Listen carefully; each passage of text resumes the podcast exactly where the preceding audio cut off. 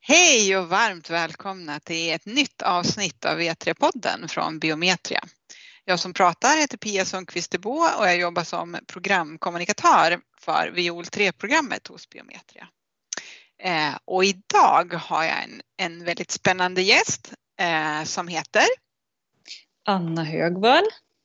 Ja, och vad har du för roll inom Biometria och eh, Viol 3? Eh, ja, min roll på Biometria är ju tjänstansvarig på tjänst, eh, tjänstområdet transport och min roll i Viol 3 är, där är jag väl lite överallt kan man säga i, i Viol 3. Jag skriver inte kraven och jag sitter inte och testar men eh, är med i arbetet absolut och mycket mot kunderna också. Varmt välkommen Anna. Tackar. Eh, idag ska vi prata om eh, något som heter Varför försvinner transportörsnummer i Viol 3? Och då vill jag börja med att fråga vad är transportörsnummer egentligen? Ja, nu får du hålla i dig. Men eh, transportörsnumret i Viol 2, det är ett sjuställigt nummer som chauffören på något sätt anger vid, vid ankomstregistreringen vid mätplats. Antingen direkt i Doris Iris eller via aviseringen eller via ett vågkort på vilket transportörsnumret ligger inlagt. Det är alltså en identifikation idag. Mm. Det, här, det här transportörsnumret definierar någon slags fordonsenhet och håller via ett register egentligen ett antal egenskaper. Till exempel om det är en kranbil eller gruppbil och vad fordonsenheten har för högsta tillåtna maxvikt. Och det här är grejer som vi använder i transportprisräkningen sen. Egentligen okay. finns det ett till register i Doris som håller bankbredder och detta är också kopplat till transportörsnummer. Bankbredden är förvisso, förvisso registrerade på nivån regnummer, alltså regnummer som står på plåtarna på, på bil och släp. Mm. Men det finns liksom ett litet steg däremellan där man kopplat just transportörsnumret till dessa regnummer. Och den här bankbrudsuppgiften den använder man inte i någon transportprisräkning direkt men däremot i mätningsprocessen. Men förutom då att det här transportörsnumret bär uppgifter om lite hårda prylar så säger det också något om vem man är och vilken transportaffär man ingår i, i för tillfället eller just nu. Just för den här lasset. Ja. Och det är här det börjar bli lite luddigt. Här spretar vad ett transportörsnummer representerar väldigt mycket bland våra kunder och alternativanvändningarna är ungefär lika många som kunder. Man har varit kreativ alltså? Mycket kreativ har man blivit med tiden ska jag säga. Ibland låter man också ett transportörsnummer säga något om en viss företeelse kring resursen. Till exempel, jag är just nu en marginalresurs som kör stormvirke. Förutom att eh, transportörsnumret är någon slags identifikation med mätplats så kan man sätta upp pristillägg eller avdrag per transportörsnummer i transportaffären alltså. Man mm. kan bryta på begreppet i till exempel TIS och de externa transportsystemen använder också termen för att hantera transportstyrning. Så sammanfattningsvis kan man säga att transportörsnummer är en term där vi försöker definiera både fordonsegenskaper och aktör-affär i, i samma smäll. Plus ibland lite andra företeelser som grädde på moset. Låter lite stökigt det där tycker jag. Ja, lite stökigt är det. Så det kanske är anledningen till varför det tas bort i Viol 3?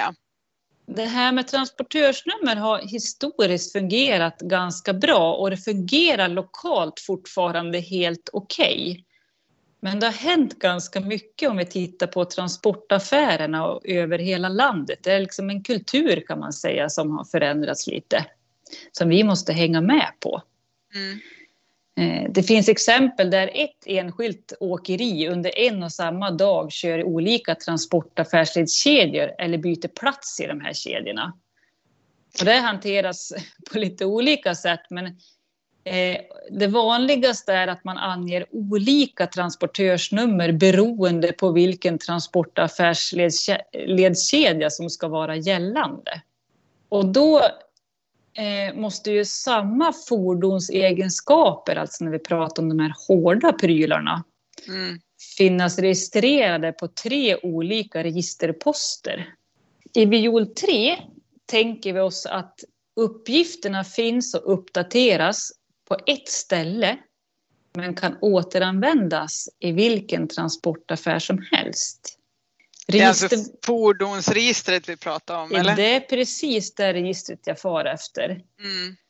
Och registervård det är ju alltid en utmaning och det kommer det även vara i Viol 3. Men man behöver i alla fall inte uppdatera samma uppgifter på flera ställen.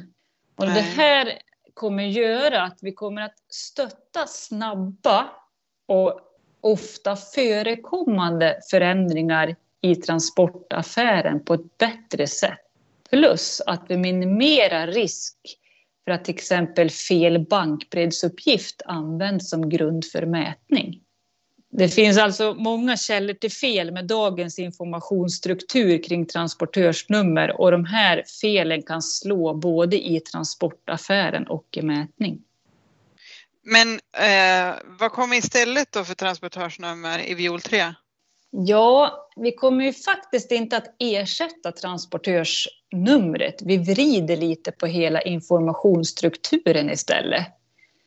Som identifikation vid mätplats, alltså vid ankomstregistreringen, så är det regnummer på bil och släp som gäller. Och på de här regnumren kan vi hänga egenskaper om till exempel transportmedeltyp, utrustning och högsta tillåtna maxvikt grejer som vi kan använda i transportprisräkningen sen. De här regnumren kommer också följa med i redovisningen eh, i form av att det ingår i ett ekipagenummer. Eh, och vi kommer också kunna bryta på det här i till exempel, alltså använda det som term i till exempel BI-rapporterna. Ja, just det. Sedan anger man på, då har vi samlat in liksom de hårda, hårda fakta om att den hade en extra lång kran eller fick väga 64 ton. Eh, men då behöver vi också samla ihop det här med affär, affären, affärskedjan. Och det här anger man på ett annat sätt genom att faktiskt peka ut med hjälp av huvudkoder eh, vilka aktörer som ingår i transportaffären och på vilken plats i kedjan det ska placeras. Och det här är ju uppgifter som förhoppningsvis kommer att finnas på transportorden och givetvis då också kan aviseras in. Just det, det underlättar ju. Ja, eh, och till det här kommer det andra transportuppgifter som kan fyllas i via avisering eller i NPSen och som också kan spela roll vilka pengar som sen faktiskt faller ut i transportaffären. Och så ska vi säga det att NPS det är alltså mätplatsstödet? Jajamän, det är det. I sammanhanget när vi pratar här så ska vi givetvis också nämna något som heter transportenhet i Viol 3. Transportenhet liknar transportörsnummer i den bemärkelsen att det kan betyda lite vad som helst. Det står en fritt att ange transportenhet vid ankomstregistrering men om det anges kommer det att följa med i redovisning och i, i, ut i BI. Och transportenhet är ett treställigt nummer. Och de här transportenheterna lägger man upp i, i förväg då kan man säga i aktörsregistret under sin huvudkod.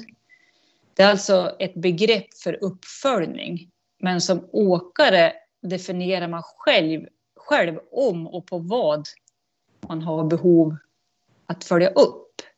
Mm. Någon kanske vill följa upp per chaufför. Hur mycket kör den här chauffören under dagen? Hur mycket kör den här? Andra kanske vill skilja på gula och blå bilar eller varför inte per skift.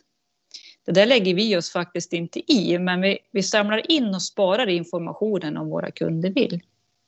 Så man kan säga att idag försöker vi beskriva fordonsegenskaper, aktör och affär samt resursspecifika företeelser med en och samma kod, det vill säga transportörsnumret. Imorgon samlar vi in det här separerade från varandra. Och det här i kombination med kontrakt och prislistor, precis som vi har idag, gör i slutändan att redovisning och uppföljningen blir korrekt. Om jag är kund då, till exempel åkare eh, eller virkesmätare inom biometria, på vilket sätt kommer det här att förändra min arbetssituation? Oj, eh, jag tror att jag börjar med chaufför där. Stackars chaufförerna som faktiskt ska få det här rätt. Mm. Eh, som chaufför behöver de ju idag hålla koll på antingen jobbar de bara med ett transportörsnummer och då är det okej. Okay. Men i många fall så behöver de hålla reda på vilket transportörsnummer de ska ange när. Imorgon, det vill säga i Viol 3, eh, där behöver man hålla koll på vilka regnummer ekipaget denne för tillfället rattar har. Alltså du kanske har ett regnummer, ett regnummer på bilen och ett på släpet. Mm. Vet chauffören inte det här så finns det ju ett sätt att ta reda på det. Ja, och det är ju att kliva ur bilen och kolla. Ja. Eh, så den är ju inte, den tror jag inte att de kommer ha så svårt med. Den är ganska logisk.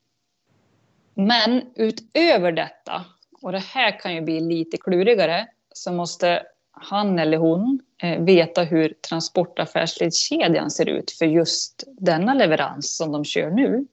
Men det här kommer det finnas stöd för i, i transportorden och kommer att kunna aviseras in. Det är alltså inte meningen att chauffören i huvudet ska hålla reda på huvudkoderna för ansvaret, eventuellt en eller flera förmedlande samt utförande transportföretag. Ja, det var ju eh, skönt att höra. Ja, eller hur? Det kan vara bra som säga att du åkare, alltså åkeriägaren eller någon, någon slags chef på det där åkeriet eller transportföretaget. Att lära sina anställda chaufförer eller medarbetare eh, vilken huvudkod åkeriet har. Kan de? Alltså kan det är ju inte så svårt, det är bara att skriva på en lapp och sätta i bilarna. Precis, och jag brukar säga det att men, har man bara koll på liksom jag får ju lön av en arbetsgivare här, en firma, vad har den firman som åkeri för huvudkod? Har man den så klarar man sig ganska långt. Då klar, kommer man klara sig bra. Mm. Och har man svårt att komma ihåg den här så sätt upp en tejpbit i hytten. Mm. Så är det löst. Ja. Och övriga transportuppgifter som de knappar in, eh, det kommer de, det är grejer som de känner igen ja, från idag. Och det är lite nya grejer där, men det är fortfarande eh, branschbegrepp de kommer känna igen. Finns det något i övrigt då som du vill förmedla till lyssnarna kring eh, transport och, och kring transportörsnummer? Ja, jag skulle vilja säga att som åkare så kommer en stor fördel med det här att använda en egen huvudkod istället för ett transportörsnummer som idag hänger under någon annans huvudkod. Och då pratar jag om de här fallen där transportaffärsledskedjan har fler parter än två. Mm. Och det är ju att man löpande kan följa sina leveranser med priser och allt i till exempelvis BI. Och det här kan man göra flera gånger om dagen om man vill. Mm. Verkar du med en egen huvudkod har du också behörighet att se dina affärer löpande. Ja, det skulle jag vilja göra i alla fall om jag var åkare. Jag tror att det finns några åkare som, som skulle uppskatta det, absolut. Mm. Det här kommer ju kräva en viss förändring i arbetssätt och det kan också påverka vissa möjligheter för prissättning och prisstyrning i transportaffären. Men det har nog mer att göra med en av Viol 3s grundprinciper som säger att vi ska använda oss av transparenta prisvillkor snarare än att vi tar bort begreppet transportörsnummer. Informationen om fordonsegenskaper och affär kommer att hänga ihop på ett stadigt och transparent men ändå mer dynamiskt sätt. Ja. Vad skulle du vilja höra mer om då i något kommande avsnitt av V3-podden? Eh, Ja, helst vill jag höra nästan bara transportgrejer, men nej då. Men eh, jag eh, tycker att det här, jag är väldigt dålig på, på mätning överlag, men jag tycker att det är ett väldigt intressant område. Men jag skulle vilja höra lite mer om att Doris och Iris blir NPS och att det dessutom flyttar till molnet och vad det kommer att innebära. Just det skulle jag tycka var intressant. Spännande. Ja, men eh, då vill jag tacka så jättemycket Anna eh, för att du ville komma och vara gäst. Som vanligt så vill jag säga till er som lyssnar, stay tuned.